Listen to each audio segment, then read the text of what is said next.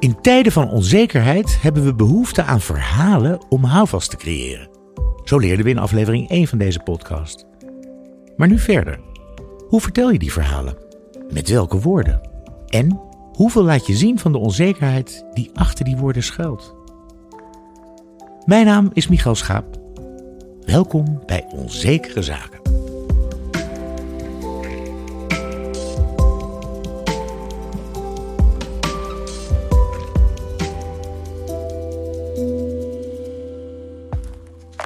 Later in deze aflevering spreek ik Alex Shirazi. Hij was onder andere verantwoordelijk voor de communicatie rond de Noord-Zuidlijn.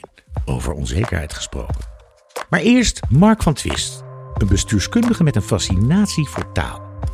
Futurist Tessa Kramer en kunstenaar Merlijn Twaalfhoven luisterden mee. Ja, jongens, eh, Mark van Twist, echt wat een geweldige eh, spreker, moet ik zeggen trouwens. Wat viel jullie op? Voor mij uh, ging het heel erg over toekomstgeletterdheid. Talig worden in de toekomst. Kunnen verbeelden. En wat ik interessant vond aan zijn verhaal was dat je vocabulaire nodig hebt. Woorden nodig hebt, rijke taal, poëtische taal, metaforen. Maar ook verhalen om die toekomst gestalte te kunnen geven. Dus om die toekomst te kunnen vormen. Ja, je kunt natuurlijk alleen maar denken aan iets wat je ook in taal kan vatten.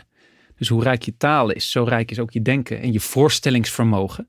En dan, nou ja, de beroemde uitspraak: alles wordt twee keer gemaakt. Eerst in verbeelding en dan pas in de werkelijkheid. Nou ja, dat heeft hier denk ik heel mooi uh, mee te maken.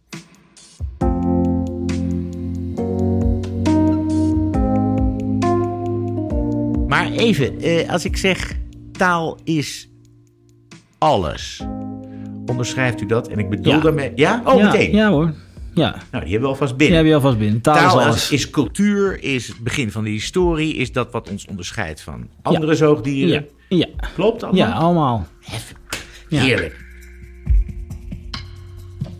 Mark van Twist is hoogleraar bestuurskunde aan de Erasmus Universiteit van Rotterdam. Met zijn taalvaardigheid adviseert hij topambtenaren, burgemeesters, staatssecretarissen en ministers. Maar wat is het dan eigenlijk? Denk, Ja. Hoe zou je het omschrijven? Wat is taal? Als je dat moet uitleggen aan iemand van Mars. Ja. Nou, dan zal ik zeggen waar mijn, waar mijn fascinatie... Vind je het goed dat ik daarmee gewoon mee begin? Ik doe gewoon even mijn eigen agenda. Dat is wel zo handig. Kom ik vanzelf bij jouw definitie uit. Kijk, ehm, je vroeg net, waar kom je, wat heb je met taal? Ik heb een fascinatie daarvoor en die begint persoonlijk eigenlijk. Ik, ik had een neefje, om gewoon even dat voorbeeld te noemen... die tot zijn vierde niet sprak. En eh, dus hij, hij zei geen woord. Maar hij had wel allerlei andere manieren om duidelijk te maken hoe hij over dingen dacht. En eh, dat ging gepaard met veel woede en frustratie. En het moment waarop hij begon te spreken op een andere manier dan alleen, laten we zeggen, met lichamelijke gebaren en eh, eh, verhit hoofd. Dan zag je dat er een zekere kalmte over hem kwam, omdat de, de nuance waarmee je op dat moment boodschappen kunt overbrengen veel ruimte geeft. Dat is even één. één en, en daar zie je iets in dat als je gelaagdheid wil overbrengen, als je mensen wil meenemen in datgene wat je fascinerend of belangrijk vindt, dat woorden helpen. Eh, tweede eh, fascinatie die ik had. Ik ga veel op vakantie naar het buitenland, zoals velen. Mijn passieve talenkennis is best goed. Als ik in Frankrijk ben, versta ik de mensen aardig. Op het moment dat ik iets leuks terug wil zeggen of eh, iets ingewikkelds, dan voel je een barrière om dit soort dingen te doen. Hè, Dat heb ik ook als ik onderwijs geef in eh, Berlijn of als ik elders ben. Dan voel je hoe alsof je aan het schrijven bent met een waskrijtje in plaats van met een vulpen. En daar voel je ook dat daar in termen van laten we zeggen, de opdracht voor jezelf iets te doen is. En, en dat kom je niet alleen tegen persoonlijk, maar ook in mijn werk. Dus eh, mijn fascinatie in het werk was... Ik heb een aantal commissies mogen begeleiden. Ik heb eh, eh, eh, in termen van advisering veel gedaan. En daar zie je dat mensen letterlijk taaltekort komen. En dat ze de woorden niet hebben om duidelijk te maken van waar het ze echt om gaat. En eh, dat als je ze kan aanreiken, er een enorme catharsis ontstaat. Opluchting. Eindelijk iemand die de woorden heeft waar wij naar zochten. En laatste, ik doe veel onderzoek naar bestuurders. Of het nou ministers zijn, of wethouders, of eh, ambtenaren. En daar zie je dat die mensen een heel andere taalstijl hebben. Omdat ze een andere achtergrond hebben. De ene is politieagent geweest, of een arts, of eh, is opgeleid Jargon als dan onder andere ruimtelijke Ja. ordenaar. En, maar ook, maar nou, deels jargon, maar ook wel persoonlijk. Hè? Dus de een heeft een veel verbindende taal en een veel minder uh, nabije taal. De, uh, is veel persoonlijker in zijn overdracht. Hè? Dus als wij het samen hebben over wat gebeurt hier in de omgeving, wat relevant is voor ons gesprek, dan kun jij zeggen, nou, ik sprak met Pierre en die zei tegen mij, en dat is, hè, dan verwijs je naar de ander. Je kunt zeggen, ik was net buiten en toen overkwam mij dit. Uh, in mijn geschiedenis is heel belangrijk dat ik dit meeneem. Dus daar zit ook een biografisch element in. En er zit groot verschil in hoe mensen dat doen en ook het effect daarvan. Dus de echo's die je ontmoet, zijn voor een deel het gevolg van de taal die je zelf gebruikt. Het is heel interessant om die wisselwerking daarvan ook te, mee te nemen. En in mijn vak, dus het is niet alleen persoonlijk, maar ook in mijn vak, is dat heel wezenlijk. Nou, dan kom je op wat is dan taal, want dat was je vraag dat, zijn, dat begint met woorden en dat begint daarna met, nou, ik zou zeggen taal en verhaal. Als je het iets uitbreidt, dan zou je kunnen zeggen tellen is ook een vorm... vocabulaire, dan syntax, het plaatsen van woorden. Precies, en dan, is en dan krijgt tellen wordt ook een vorm van vertellen, want getallen zijn tenslotte ook woorden. Als je ze goed gaat analyseren, of in ieder geval hebben dezelfde dubbelzinnigheid. Tellen gaat, gaat, is ook een vorm van vertellen. Die, hoor, die nou, rollen er te mooi uit. Ja, ja, nou ja, dus het is ook een deel van mijn vak. Dat je mensen uitlegt dat als jij, als jij dus de feiten hebt, of je kunt uitrekenen wat de winst is, of je zegt dit kan wel, want de kosten wijzen dat uit. Dat je begint met de vraag welk verhaal wordt hier eigenlijk verteld? Welke cijfers gebruik je daarvoor? En waarom deze? En welke niet? En wat is er in de stilte geduwd? En uh, nou, daar begint mijn, daar begint, en, en dan, uh, dan wordt taal iets omvattends. Hè? Dus dan zijn het woorden, dan zijn het, maar het is taal en verhaal, het is tellen en vertellen. En het is ook woorden en daden. Dus niet alleen woorden, maar ook daden. Het laat zich raden welke stad graag gebruik maakt van de expertise van de heer Van Twist. Nou, ik mag zelf af en toe meedenken in Rotterdam. Ook omdat ik daar inderdaad als, aan de universiteit verbonden ben. Het is natuurlijk een hele interessante stad. Hè? Met als motto geen woorden maar daden. Ja. Niet lullen maar poetsen. Ook een narratief, ook, ook een constructie, maar ook, maar ook, een, maar ook een tragische. Hè? Dus het idee van je kan wel zeggen niet lullen maar poetsen. Maar je kan heel hard poetsen. Maar als je, niet, als je daarover niet lult, dan komt er niks uit. Hè? Dus het idee dat je, dat je zonder woorden verder kunt, is een grote vergissing. En de combinatie van die twee, noem het Chinees. Of, uh, uh, maar, maar het is echt Nou, ik vind wel, daar is een gemeente die heeft een taaltekort. En die is op zoek, hè, letterlijk, zoals bij het beeld van Zatkien, waar het hart ontbreekt naar de taal of het verhaal wat eigenlijk nodig is om te vertellen waar je van bent. En lange tijd was het daar. Hè, ook even een voorbeeld. In het postfortuin-tijdperk was dat de stad van de stadsmariniers. Ja, de stadsmarinier, ook zo'n woord. Even ter verduidelijking. Die stadsmariniers zijn geen militairen. Het zijn gewoon gemeenteambtenaren die bezig zijn met de veiligheid in de stad. Het hoorde bij de oorlogstaal die toenmalig burgemeester Opstelte toepasselijk vond. Ook zo'n woord, de interventieteam, hè, de, de achter de voordeur, onder het bed. Ja. En, uh, maar daar zat, ja, als je dan aan mensen vraagt, waar denk je aan bij dit soort uh, woorden? alarmsystemen om jongeren weg te jagen en zo. Mosquito alarm. Mosquito alarm, precies, precies. Regimeverandering noemde collega uh, Pieter Tops dat. Yeah. En als ik dan aan mensen vraag, waar denk je dan aan? Zeggen ze meestal Zuid-Amerikaanse groenta's. En er zit iets heel ongemakkelijks in. En, maar, maar dat was lange tijd natuurlijk een beetje de dominante oorlogstaal. Hè? En, en daar zie je ook over hoe taal werkt. Hè? Dus vaak is het, als het beeldende taal is, dus je gaat voorbij aan de zakelijke, meer bureaucratische, abstracte taal, dan is het associatief. Zo'n beetje zoals bij de watertaal van het asielbeleid, minder vrolijk, maar wel veelzeggend. Aanzwellende stroom. U pleit ook voor iets meer poëzie in de, in, de, in de taal van de overheid, hè? Zeker. Poëtische uitstapjes noemt u dat. Maar niet te veel, zegt u daarbij. Nou, nou, nou ik, denk, ik denk dat de, de werkelijkheid ligt steeds achter de horizon van de taal. Dus het idee, hè, dat de klassieke gedachte is dat taal zoiets is als naamplaatjes aan de dingen hangen. Hè? Dus dat je zegt, oké, ik heb hier een tafel. Bloem, tafel, bloem, stoel. Precies, maar net als wij het kunnen hebben over een luchtkasteel... of een dansende olifant of over een zingende inktvis... ook als ze er niet zijn, maak je ze in de taal. En, dat is, en daar zit zoveel meer ruimte in die taalinterventies mogelijk maken.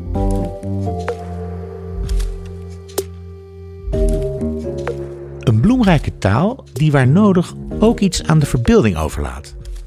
Tegelijkertijd hoor je vaak de kritiek dat de taal van beleidsmakers niet bloemrijk is, maar verbloemend, grossierend in vaagheid.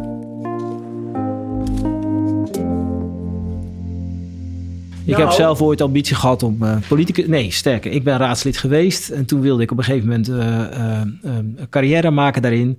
Gewoon eens gekeken of ik een half, jaar, een half uur lang... alleen maar, wat jij er even voor het gemak... als jubeljargon, applaustermen, oké woorden, hoera-begrippen... achter elkaar. Hè? En dat is qua oefening...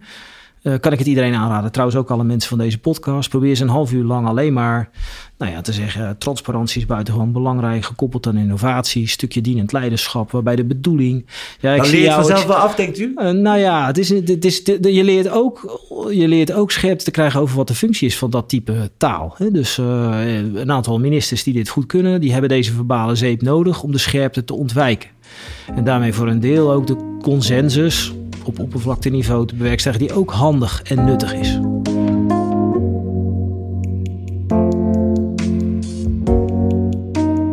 Nog een vooroordeel. Beleidsmakers maken zich drukker om hoe ze hun beleid moeten verwoorden dan om het beleid zelf. Dan de ene, aan de ene kant is eh, nu het verhaal, er zijn meer voorlichters dan beleidsmensen. Kunnen we het weer gewoon over de inhoud hebben? Laten we ophouden met papier produceren, maar gewoon aan het werk gaan. Eh, is het niet klaar met al die communicatie? Zullen we dat er niet afkrappen naar En de inhoud toe gaan? En de bij. consultants, die moeten allemaal... En, en, en ik begrijp dat eh, verlangen wel. Hè, terug naar eh, vroeger dat nooit was. Ja, precies. Eh, maar, te- maar de andere kant is natuurlijk dat taal is het, is het eh, medium van de beleidsambtenaar. En taal is niet een verpakking die je eraf krabt, maar zeker is in de kern van wat we maken. En mensen hebben betekenis nodig om te snappen waar ze zijn. Of het nou gaat om de pandemie, of het gaat om de klimaatverandering. Zonder woorden eh, kun je het beleid en de maatregelen om te beginnen niet bedenken. Daarna niet vormgeven, daarna niet delen, daarna niet met mensen verder brengen. Dus daar zit allemaal ja, ruimte die, die taal en onzekerheid een, op een onvermijdelijke manier met elkaar verbindt. Je kunt wel zeggen dat het gaat om de inhoud en niet om de verpakking, maar toch is de taal waarmee je een idee presenteert cruciaal. Sterker nog, als die taal niet goed is, gaat het plan ook de prullenbak in. Ik heb ooit onderzoek gedaan naar rekeningrijden. Ah, dat was ook een heel gevoelig puntje. En toen ging ik naar degene die daarover ging. Eh, Echt waar, de dossierhouder. Toen zei ik, waarom heet dit rekeningrijden? Toen keek hij mij aan en zei hij, Mark, ik krijg gewoon een rekening voor het rijden. Zei, ja, prima. hè. Vervolgens heet de bewindspersoon Tineke Tolpoort. En, en, en, en dan is het toch vrij ingewikkeld om daar nog wat van tot stand te brengen. Ja. En, en dan kun je vervolgens communicatieadviseurs inhuren... die het dan bereikbaarheidsoffensief noemen... of betalen voor mobiliteit. Maar dan, ja, dan ben je op achterstand en dan werkt het niet meer. Taal helpt bij het vormgeven van de toekomst omdat het een beeld schept van die toekomst. Het brengt mensen in beweging of laat ze juist op de rem trappen, wat er dankzij het woord rekeningrijden gebeurde. Het is ook lastig. Hoe breng je nou onder woorden dat je iets niet zeker weet en dat mensen je toch moeten vertrouwen? Welke woorden heb je nodig als je over onzekerheid praat? Dus eh, ik heb er zitten nadenken over taal en onzekerheid. Hè, daar zit natuurlijk iets heel interessants in. Aan de ene kant is onzekerheid eh, iets wat je in taal ehm, wat ongemakkelijk is. Hè? Want het leidt tot verwarring, tot handelingsverlegenheid, tot vertwijfeling, tot niets iets doen. Aan de andere kant zou je kunnen zeggen, het is ook een vorm van kracht. Je laat zien dat je het niet weet, dat je je dilemma's wilt delen, dat je er samen met anderen moet uitkomen. Er zit ook iets moois in het zichtbaar maken van onzekerheid. Dus dan krijg je al twee strategieën, die allebei, die allebei prima zijn en kunnen werken. Dus je kan zeggen, ehm, mensen, ik weet gewoon hoe het zit. We gaan het dan en dan gaan we dit doen. Dat kan een soort rust geven. Je kan ook zeggen, nee, juist omgaan met onzekerheid vraagt om iets te laten zien van de morele dilemma's waar je zelf mee zit, waar je mee worstelt, waar je niet echt een uitkomst op weet. En dat krijgt het een heel ander karakter. Beide kan. En ik weet niet precies wat goed is. Het is een afweging waar je in ieder geval bewust van moet zijn. Ja. En die onderdeel is van je professionaliteit.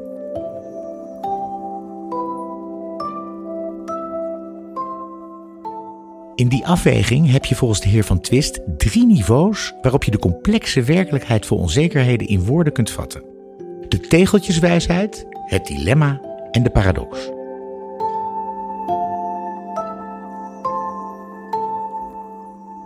Bij hertalen is de kunst toch wel om het opnieuw van woorden, eh, opnieuw in woorden te vatten. En daarbij is in mijn filosofie als je de woorden niet als naamplaatjes ziet, maar in zekere zin andersom, hè, de woorden creëren de werkelijkheid, dan betekent een nieuwe taal ook de ruimte maken voor een nieuwe werkelijkheid.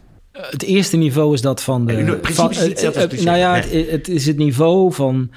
Daarom noem ik het tegelwijsheid. Dat, dat zijn ehm, ehm, gezegden. Fatsoen moet je doen. Eh, Ben je allemaal van dat type taal? Het klinkt zo logisch. Eh, Het is zo vanzelfsprekend. En iedereen zit dan vervolgens te knikken, gaat over tot de orde Ja, van de dag en het doet niks. Ja. Omdat je in zo'n principe de nuance mist van de waardebotsing of de belangentegenstelling die er achter schuil gaat. En daarom dat je heel snel van eigenlijk van die principes naar het idee van polariteiten toe moet, waar dilemma's zitten, waar je een gevoel krijgt van het gaat echt om een, om een waardeafweging die lastig is en die je eigenlijk niet kunt oplossen met een vrij simpele regel of met een overzichtelijke richtlijn of een aanbeveling van doe dit nu zo. Daar volstaan die, die, die, wijsheidje, die wijsheden niet. Nee. Nee. En daar kun je vervolgens niet mee volstaan, want dat is ingewikkeld, want het leidt uiteindelijk tot handelingsverlegenheid. Je zegt, ja, ik kan, ik kan het een doen, ik kan het ander doen. Het is een lastig dilemma, maar uiteindelijk moet ik kiezen. En vaak heeft een kwaliteit in die keuze het karakter van een paradox. Dus de onderkenning van dat er een tegenstelling van waarde is, maar dat je die probeert te overbruggen door iets te verzinnen wat eigenlijk schijnbaar onmogelijk is en tegelijkertijd ruimte biedt aan mensen om toch iets te doen. Zoals ehm, helpen is niet altijd helpen. Het idee dat je mensen helpt kan ook in de weg zitten aan wat ze nodig hebben. Of ehm, een heel ander idee, zullen we het eens ingewikkelder maken ehm, om het vervolgens eenvoudiger te krijgen. Dus de, de idee van dat je bijvoorbeeld in een politieke context, uiteindelijk als je op zoek bent naar een compromis in een helder conflict, ja, eigenlijk de enige oplossing is niet om het simpeler te krijgen, maar nog ingewikkelder te maken. En, ehm, en zo, zijn er, zo zijn er veel meer van dat type beetje paradoxale wijsheden... die nou ja, misschien voor je het weet weer het nieuw karakter krijgen van een tegeltjeswijsheid. Maar die in ieder geval proberen om niet te vervallen in eenzijdigheid... in clichématige eh, waarheid waarvan je denkt, dit kan niet kloppen. En die iets laten zien van de achterliggende nou, worsteling juist. die eronder ligt. Dus eigenlijk zegt u ook op met een andere manier iets transparanter dus, maar wel maar hertaald. nee, ja, dus iets tran wees transparant is een vorm van tegelwijsheid. Ja, Ja, en eh, dus zit er iets in als, eh, want daar staat tegenover namelijk dat soms vertrouwelijkheid eh, heel belangrijk is.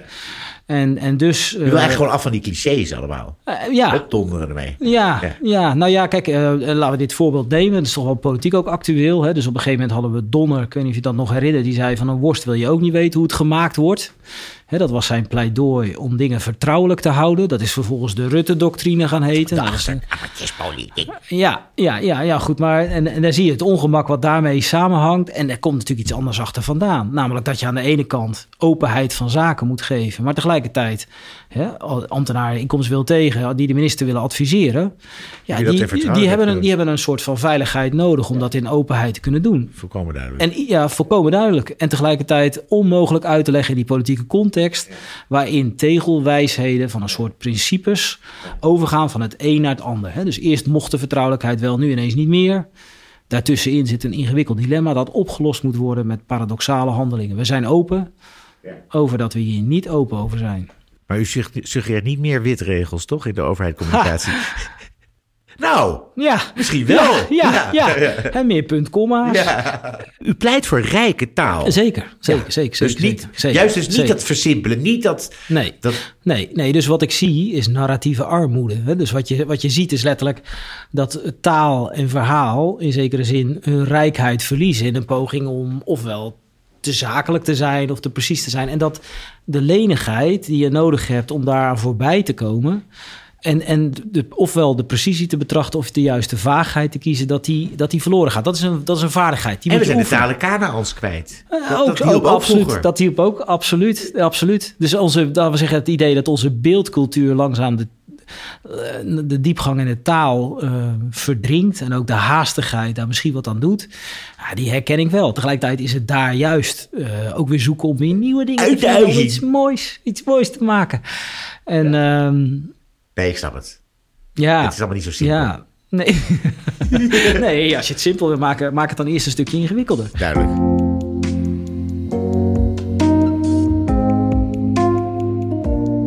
Hou het simpel was hier de tegeltjeswijsheid geweest. Met we twijfelen tussen simpel en ingewikkeld gebruiken we het dilemma. Maar we sloten het interview af met de paradox. Als je het simpeler wil maken, maak het dan eerst een stukje ingewikkelder.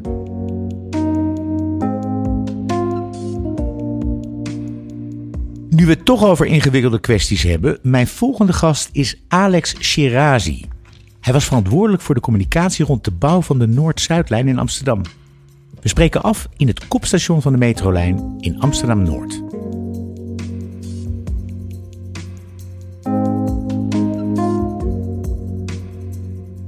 Kijk, daar is hij dan. Meneer Shirazi, ik herken u zomaar. Excellentie. Uh, uitstekend, ja, ja, ja, ja, ja. Ik stond even boven, dus, uh, maar ik hoorde jouw berichtje. Dus, uh... Ja, nou, het, het was een beetje herrieachtig daarboven. Ja, we kunnen, laten we heel even in die hal ingaan, want hier Ja. is het wat rustiger. Ja.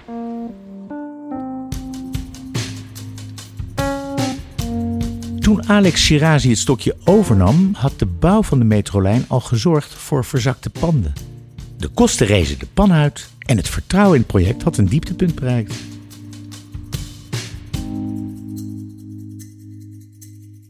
Het was het moment eh, dat ik gevraagd werd om, en net zoals een aantal anderen, om, eh, of ik belangstelling had om ja, eigenlijk toch gewoon een soort, eh, vanuit een nieuwe blik eh, eh, naar het project te gaan kijken. Ja.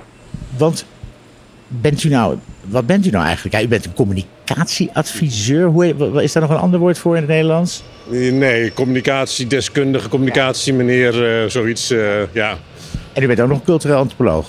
Ja, ik ben, eh, ik ben afgestudeerd als antropoloog. Eh, en eh, ik merk ook, eh, nou, vak, dat is het mooiste vak ter wereld. Alleen eh er was ook toen ik afstudeerde geen droogbrood eh, in te verdienen. Dus ik moest ergens brood op de plank krijgen. Eh, maar ik merk wel nog steeds dat de antropologie mij wel heel erg gevormd heeft. Ook in dit vak. Omdat je als antropoloog een aantal dingen leert en een manier van kijken leert die ik denk heel veel communicatiemensen zouden kunnen, goed zouden kunnen gebruiken. Ja, ambtenaren zijn dus vormen een soort gemeenschap. Bouw, de bouwwereld vormt een soort eigen gemeenschap met een eigen morris. Ja, ja je hebt, eh, tegenwoordig is het denken in tribes en, en, en, en symbolen en rituelen heel erg in. Maar ik vind ook de, technie, eh, de, de, de methode waarin je geschoold wordt, namelijk probeer, observeer. Kijk nou, probeer te begrijpen waarom de ander dingen doet op de manier waarop hij dat doet. Waar, waar hij zich zorgen over maakt, hoe hij zijn leven organiseert, hoe hij dat collectief doet. En luister eerst eens even. Kijk en probeer het te begrijpen. En ik vind dat in de, in, in de communicatie we ongelooflijk getraind worden allemaal in boodschappen, in verhalen vertellen. Terwijl eh, het, de stap daarvoor is luisteren en begrijpen en zien. Dat vind ik heel erg belangrijk. eh, omdat je dan pas daarna misschien met een plan kunt komen. Maar stop nou eerst eens even met alle plannenmakerij en, en, en, en, en boodschappen en, en dat soort zaken. In welk jaar kwam u er precies bij? Dat was 2010. Ja. En wat constateerde u toen, toen u het slagveld overzag? Ja. Nou, wat je daar zag, het project was ook, ook stilgelegd. Hè. Dus het was echt dramatisch. Het was, voor een deel lag het, eh, eh, de, het beton in Zuid en Noord lag er al. In de binnenstad daar enorme diepe gaten. Eh, en eh, eigenlijk was het stilgelegd door die verzakkingen bij de Vijzelgracht. En kon- ontstond er opnieuw een discussie. Misschien moeten we, er, moeten we er maar mee stoppen, zou ik maar zeggen. Dus veel erger voor een project kan het gewoon niet. Dat je, terwijl alles er al ligt zo'n beetje, nog een keer opnieuw gediscussieerd wordt over... misschien moeten we, maar, moeten we, maar, moeten we die putten maar dichtgooien. Maar dat, dat is bijna ondenkbaar. Dat, is dat ooit gebeurd in Nederland dat een groot infrastructureel project is stilgelegd? Überhaupt? Volgens mij liggen er hier en daar, hebben er ooit in het land wel half afgemaakte bruggen en viaducten Maar zo groot als dit, eh, waar alle, alle miljard verspijkerd was, eh, eh, was dat bijna ondenkbaar. Maar de opdracht aan minister Veerman was onderzoek of het, en neem ook de vraag mee, namelijk misschien moet je maar toch, is het toch beter om, om te stoppen.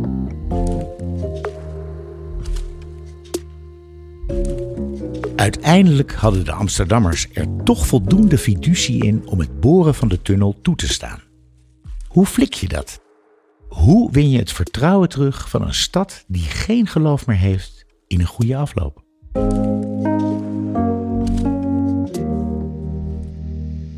Later heeft u iets bedacht volgens mij, want u bent degene geweest die, die, die, die al die fantastische billboards heeft opgehangen, toch? Waarin, waarin we plotseling zagen wie er dan onder de grond werkt. Want ik zag natuurlijk al heel, heel veel bouwvakkers die dan uit Polen kwamen of Ja, Duitsland, ze kwamen overal van ver weg. En, je, en je dacht, je dacht, wat zijn ze daar nou lang mee bezig? En op een gegeven moment bent u toen allemaal dingen gaan door in de beeldvorming, letterlijk in de beeldvorming gaan veranderen, toch? Ja, ja.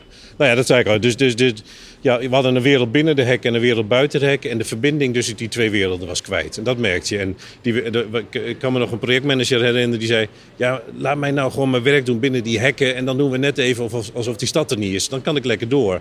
En dat kon natuurlijk niet, want die, die, die frustratie nam toe. En wat we gezien hebben is, we moeten die kloof zien te dichten. We moeten ergens weer verbinding krijgen tussen die buitenwereld die gaat zien wat we aan het doen zijn. Wie er aan het werk is. Nou, ik noem het wel, het was ook een project in de communicatie heel erg van de techniek en van het beton. Hè. Dus als je ook naar de beelden keek en naar de dingen die verteld werden, ging het over techniek.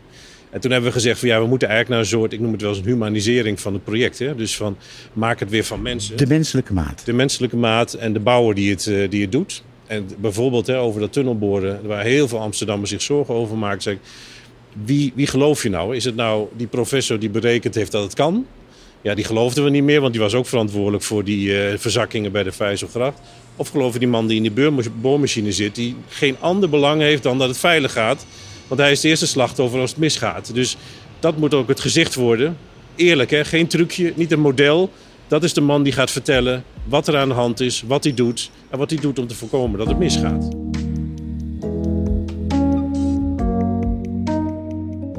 Het maakt nogal uit wie de boodschapper is van je verhaal. Laat hetzelfde verhaal vertellen door een kakkineuze wethouder in driedelig pak en niemand gelooft het. Maar hoe goed de heer Shirazi dat ook allemaal heeft bedacht, uiteindelijk had hij er weinig aan gehad als het toch was misgegaan. Ik wil het niet aan mezelf toeschrijven, want ik zeg, kijk, op het moment dat bij de eerste 10 meter tunnelboren de bijenkorf was uh, in elkaar gestort, dan was ik ook de grootste loser geweest die er was. Dus je, uiteindelijk zeg ik altijd, iets van vertrouwen terugwinnen gaat omdat je datgene wat je moet doen moet gewoon goed gaan. Dat bouwen moet gewoon goed gaan. Op het moment dat je schade op schade hebt, maakt het niet uit hoe goed die communicatie is. Dat houdt een keer op. Daar ben ik van overtuigd. Maar je moet wel, eh, er zijn een aantal andere dingen. Dat is die eerlijkheid, die openheid, gewoon vertellen waar het voor staat.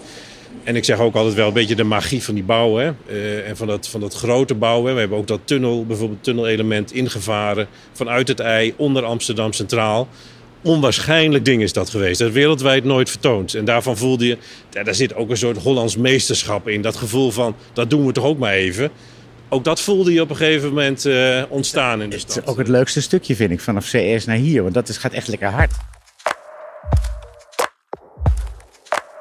Die openheid naar de Amsterdammers werd niet alleen geuit in woorden. Het betekende bijvoorbeeld ook dat ze tijdens een open dag zelf een kijkje konden nemen in de bouwputten van de Noord-Zuidlijn. Ook werd met vlaggen boven de grond getoond hoe ver de tunnel onder de grond op dat moment geboord was. Maar dat betekende niet dat alles vlekkeloos verliep. Sterker nog, dat er dingen mis zouden gaan was een zekerheid. U, u, hebt een reputatiematras neergelegd. Hoe, hoe, hoe, verzinnen we dat? Ja, ja, die heb ik altijd bij me. En dan heb ik zo'n pompje. En dan begin ik hem op te pompen. En dan uh, kan. Nee, het, het, heeft iets te maken met, met, met. Juist door die openheid en die eerlijkheid. Et maak je een soort bedding. En, uh, waardoor, waardoor, waardoor ook de. Ja, nou leg het zelf ja. maar uit. Nou, wat je zag, zeker toen ik kwam in die, in die hoge crisisfase, zag je dat eh, het project zo kwetsbaar werd. Dus ieder klein dingetje, al was het maar in de omgeving van de Noord-Zuidlijn, was de schuld van de Noord-Zuid en verzakking van de tramrails, wat hier gewoon uh, altijd gebeurt. Als dat in die tijd bij de Noord-Zuid gebeurde, was het gedoe. Gedoe in de raad, weer discussie, gedoe in de media, geen rust. En wat je wilt hebben, wat je wilt bouwen bij een project, is toch een zekere soort bedding, een matrasje, waarbij de kleine dingen klein blijven en je ook een beetje een buffer hebt voor die paar grote tegenvallers die je ongetwijfeld gaat krijgen. Zodat je niet onmiddellijk teruggeworpen wordt weer in een discussie over... moet, moet dit project überhaupt wel bestaan en doorgaan. Dus de bedding is er om wat rust te creëren... Um, om de kleine dingen klein te houden, wat, wat buffer te hebben voor de tegenvallers. En uh, nou, dat, dat, dat, dat, probeer je te doen. Ik zeg wel eens, op het moment dat in die tijd je medewerkers op verjaardagsfeestjes uh, gaan zeggen... Ja. ik werk voor de gemeente Amsterdam, en, maar vermijden dat ze voor de Noord-Zuid... En dat, dat, dat was het. Het was alleen maar sarcasme, alleen maar cynisme. En dat helpt natuurlijk niet om, om waar je een club hebt, eigenlijk nodig hebt die er vol voor gaat, enige trots heeft op het werk. Dat wil je ook, uh, nou ja, daar, daar wil je uit, zou ik maar zeggen. En als er weer wat trots komt, en dat zag ik, aan het einde waren al die medewerkers. Uh, die, die wilden zich laten zien, die lieten zich publiekelijk verbinden met dit project. Uh, en dat, dat geeft een totaal andere energie. Uh, om, om, om die enorme klus te klaren. Dus dat is het, het bij elkaar komen van dat reputatiedenken vind altijd, ik, ik vind het woord allemaal. Dit, eh, nou goed, het gaat erom dat je, eh, nou, ik zou maar zeggen, wat rust creëert, wat ruimte creëert en ook, ook wat, wat buffer creëert tegen die, eh, tegen de, in, voor zware tijden, die er altijd zijn. Het heeft uw carrière mede bepaald, hè? misschien wel. Het heeft u in ieder geval ge- eh, ge- vleugels gegeven. Ja, ik, dit, is het, dit is het mooiste, of het, dit is het meest intensieve, mooiste project eh, geweest eh, wat ik gedaan heb. Omdat het Maar die busbaan in Utrecht, was die makkelijker? Ja, die was natuurlijk... ja, een stuk makkelijker. Ja, ja. Maar nu- Ook daar was veel gedoe. eh, maar dit, de Noord-Zuidlijn. En Amsterdam is dan nog eens Amsterdam. Dus iedere, mensen zoals u, iedere bekende Nederlander, eh, journalist of eh, columnist, woonde in een straal van 300 meter van het project. Dus alles was live. Werd, iedereen maakte het mee. De hele kast van de Wereld Draait Door zat gewoon ergens in de buurt eh, van een station waar gedoe was. Dus eh, dat maakte ook dat je zo alert was op alles wat daar gebeurde. En, en dus ook, eigenlijk de enige methode was... jongens, ga nou niks verbergen, gooi het open. En word onderdeel van het gesprek over. En heb niet de illusie dat je daar regie of controle over hebt. Maar zorg dat je geloofwaardig bent. eh, en dat, je, dat er ook naar jou geluisterd wordt. Maar niet vanuit de illusie, we gaan het totale beeld even anders neer. Dat lukt je toch niet? Helder communiceren, open, eerlijk, oprecht. En het komt allemaal goed. Dat is nou wat Mark van Twist een tegeltjeswijsheid noemt. Zo simpel is het helaas niet, weet ook de heer Shirazi. Zo is hij tegenwoordig bezig met de problemen rond de gaswinning en de daaropvolgende bevingen in Groningen. Daar kom je niet ver met de Amsterdamse benadering. We hebben ooit zo'n billboard gehad hè, waar heel veel om te doen is geweest eh, bij de pijp. Waarin we hadden staan van eh, hier hebt u één station voor de prijs van twee. Eh, met de knipoog naar de Albert Kuip. Ja, weet je, daar is heel veel discussie over geweest. Maar dat kon net. En dat kon in Amsterdam. En dat kon ook omdat iedereen wel weer een onzet toestond.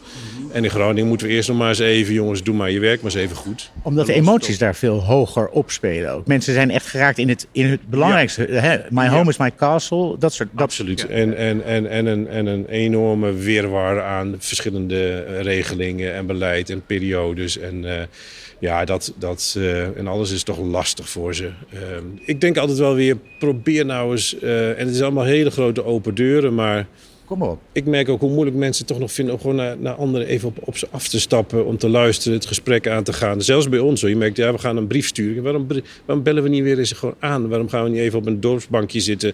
Gaan we eens even luisteren wat daar speelt, wat er gezegd wordt. En misschien ook je taal dan een beetje aanpassen. Absoluut, natuurlijk. Niet die beleidstaal. Nou, dat zou heel fijn zijn. Ja, dat, dat is altijd vreselijk natuurlijk. Eh, op de een of andere manier heeft die overheid ook, als die gaat communiceren, gaat die in vreselijke teksten uitslaan. Allemaal neologisme ook. Ja, het is, ik, ik begrijp het niet. Het is een soort, soort, soort, soort automatisme haast wat in één keer... eh, terwijl ik denk, ja, probeer het weer eens terug te brengen naar nou ja, de, de beroemde menselijke maat. Maar dat het- gaat ook over taal en toon en beeld. En hou eens op met die enorme hoeveelheid tekst. Want ook daar, joh, ik, wij kwamen ook wel eens in, de, in Amsterdam hoor. Bij- In de pijp kwam op een gegeven moment, waar we iemand belden we aan. Zei, oh meneer, ik, kom, ik laat even zien. U hebt wel brieven gestuurd waarschijnlijk. Ik kwam met zo'n stapel. Enveloppen, allemaal van de gemeente Amsterdam. Niet alleen van ons, maar ook van alles van. Ik zei, ik maak het niet meer open, want ik, eh, ik begrijp het toch niet. Ik kan het allemaal niet meer bijhouden. Dus we zijn maar aan het zenden. De helft komt niet aan. Ehm, en ik denk daar weer eens proberen van hoe kunnen we dit nou, die verbinding te maken en ergens dat contact weer krijgen. Ja, Dat, en dat, dat lost niet alles op. Maar het is wel een voorwaarde als eerste stap, vind ik elke keer hoor. Ja, en dan nog eens nog meer. Je moet een beetje, volgens mij, een sociaal hart hebben. Dat, Ja. dat zie ik bij, voel ik bij u. Ik weet niet of dat een voorwaarde is, maar volgens mij wel. Ja, Ik, denk, ik denk dat dat... eh, je moet wel echt geïnteresseerd zijn in die ander, zou ik maar zeggen. Hè? Dus, dus dat... eh, ja, ik denk dat dat, dat, dat ook wel een soort basisvoorwaarde is. En dan zegt u verder nog eh, eerlijk en open in je communicatie, helder. Ehm, ik zeg ook die kwetsbaarheid. Hè? Want zeker, zeker bij communicatiemensen... Wat ik al zei, hè, wij zijn zo getraind. We gaan framen, we gaan kernboodschap, we gaan dit, we gaan dat. Eh, en ik denk altijd, ja, als ik naar een feestje toe ga... dan komt iemand tegenover me staan en die zegt... eh, ik ben heel knap, heel intelligent, ik kan dit en ik kan dat. Dan ben je tien, binnen tien seconden afgehaakt. Terwijl als iemand zegt, joh, ik, ik weet dit niet, dit viel tegen. Misschien kun je me helpen, misschien kunnen we er samen eens over nadenken. Hier maak ik me zorgen over. Dan is dat gesprek zo anders. Dat is ook wat we in Amsterdam bij de Noord-Zuidlijn zijn gaan doen. Ook op de Vijzelgracht. Want we moesten nog een heel traject. We hebben met die buurt heel veel om tafel gezeten. En we hebben gezegd, we gaan geen oplossingen meer presenteren. We nemen jullie mee in de dilemma's. En we gaan hem samen verkennen. En we proberen samen eh, uiteindelijk tot een... En dan kunnen keuzes uitkomen waar niet iedereen blij is, mee is. Dat gaat ook onherroepelijk gebeuren. Maar je bent wel, we zijn wel samen opgetrokken in dat proces waarin je ziet wat de moeilijkheden zijn, wat de dilemma's zijn en waar wij onzeker over zijn. En dan zie je elke keer weer dat, dat, dat die uitkomst veel meer uh, gedragen wordt. En ook veel meer eigenaarschap krijgt uh, van mensen waar het over gaat. Dus daar ben ik nog steeds heilig van overtuigd. Mm -hmm. Ook al doe je met de beste wil van de, dat gebeurde ook bij de Noord-Zuidlijn daarvoor, de beste wil en de intenties van de wereld een goede oplossing bedenken. De oplossing zelf stond ter discussie omdat mensen gewoon nooit meegenomen waren in van hoe, hoe is dat proces daar naartoe nou gelopen? Welke afweging heb je nou gemaakt? Mm. Ik denk dat dat, maar wees maar ook, ook, maar ook, maar op het moment dat je het vertelt blijft, wij nemen nu deze beslissing, we doen het op deze keuze, we hebben die afwegingen gemaakt. We maken ons wel hier zorgen over, maar we gaan dit doen en zo gaan we nu verder. Maar ja, dit is op basis van wat we nu weten. Een heleboel weten we niet. Um, ja. Uh, ik vind dat, hè, we kunnen namelijk alles, als het al te stellig allemaal gebracht wordt, terwijl je weet dat die kennis er niet is, dat het gewoon aannames zijn, dat het inschattingen zijn. Ja. Vertel dat nou ook maar gewoon. Ja. En, en, geef mensen daar ook dan meer dat gevoel van die eigen verantwoordelijkheid uh, ook in. Hebt u nou een beetje school gemaakt? Heeft u, opvol, heeft u mensen die, u, die, die u nou ja, geïnspireerd hebt? Nou, ik, ik zag het, af en toe zie ik het wel hoor. Soms zie ik uh, wel projecten die dan half slachtig doen. Oh ja, we, hebben een, uh, moeten ook een stoere bouwvakker hebben en uh, die zetten we dan op een poster, dan zijn we er ook. Ehm, dus, dus, dus ik, af en toe wel, maar ik vind nog steeds die verkramping, die angst als het gaat over tonen van die onzekerheid en die kwetsbaarheid. Overal eigenlijk, die is nog steeds heel dominant, vind ik hoor. We zijn nog steeds bezig met, uh, laat maar niet vertellen, er is veel gedoe, nu nog niet handig, uh, misschien volgende keer. En, uh, en dan gebeurt het weer en dan zit het weer tegen en dan moet je weer gaan uitleggen waarom je het nooit verteld hebt. Dus ik vind dat dat blijft, um, ja, dat blijft toch wel heel erg worstelen en zoeken.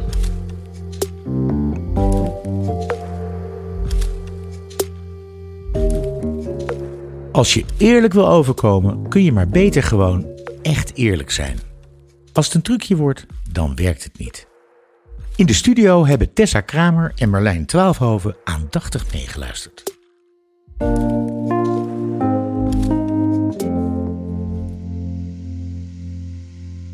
Wat ik mooi vond aan dit verhaal van de Noord-Zuidlijn is dat um, uh, het ongemak werd gecultiveerd. Dus wat er heel vaak gebeurt in toekomstdenken is dat we een stip op die horizon zetten. Daar gaan we naartoe werken met allemaal prachtige woorden en de toekomst wordt perfect. En vervolgens zie er maar eens naartoe te werken. En dat is natuurlijk het hele punt met die toekomst. Dat het een enorm grijs gebied is van heel veel beren op de weg. Heel veel gedoe, heel veel, veel meer geld dan we dachten. Opeens allemaal huizen die verzakken. En dat was eigenlijk precies um, het probleem van het toekomstdenken. Dat als je er um, ja, als je, als je dat ongemak durft te cultiveren al op voorhand, dan wordt het een veel uh, ja, makkelijker om adaptief te zijn of wendbaar te zijn. En dat je weet, we kunnen het niet allemaal vastzetten, maar we kunnen in ieder geval een poging doen om te begrijpen wat we gaan tegenkomen. Ja, en dat, daar zijn we even onhandig mee in ons eigen leven ook. Want ongemak in ons eigen leven is eigenlijk ook meteen verkeerd. Het wordt, ons leven wordt ons natuurlijk ook voorgespiegeld van kijk, dit is succesvol en daar gaan we jou zo op uh, toerusten. Want als je deze opleidingen doet, nou, enzovoort, dan word je een uh, succesvol persoon. Uh, terwijl dat ongemak, dat is ook weer een ruimte om te zoeken. Om andere vragen te stellen, om te vertragen. Nou, zo'n Noord-Zuidlijn lag een aantal jaren stil. Dat is zeker niet de bedoeling. Maar in, in principe heb je soms die vertragingsslag nodig om te kijken: hey, zijn we wel goed bezig? Um, dus ruimte voor ongemak mee ontwerpen, dat lijkt me een hele kunst.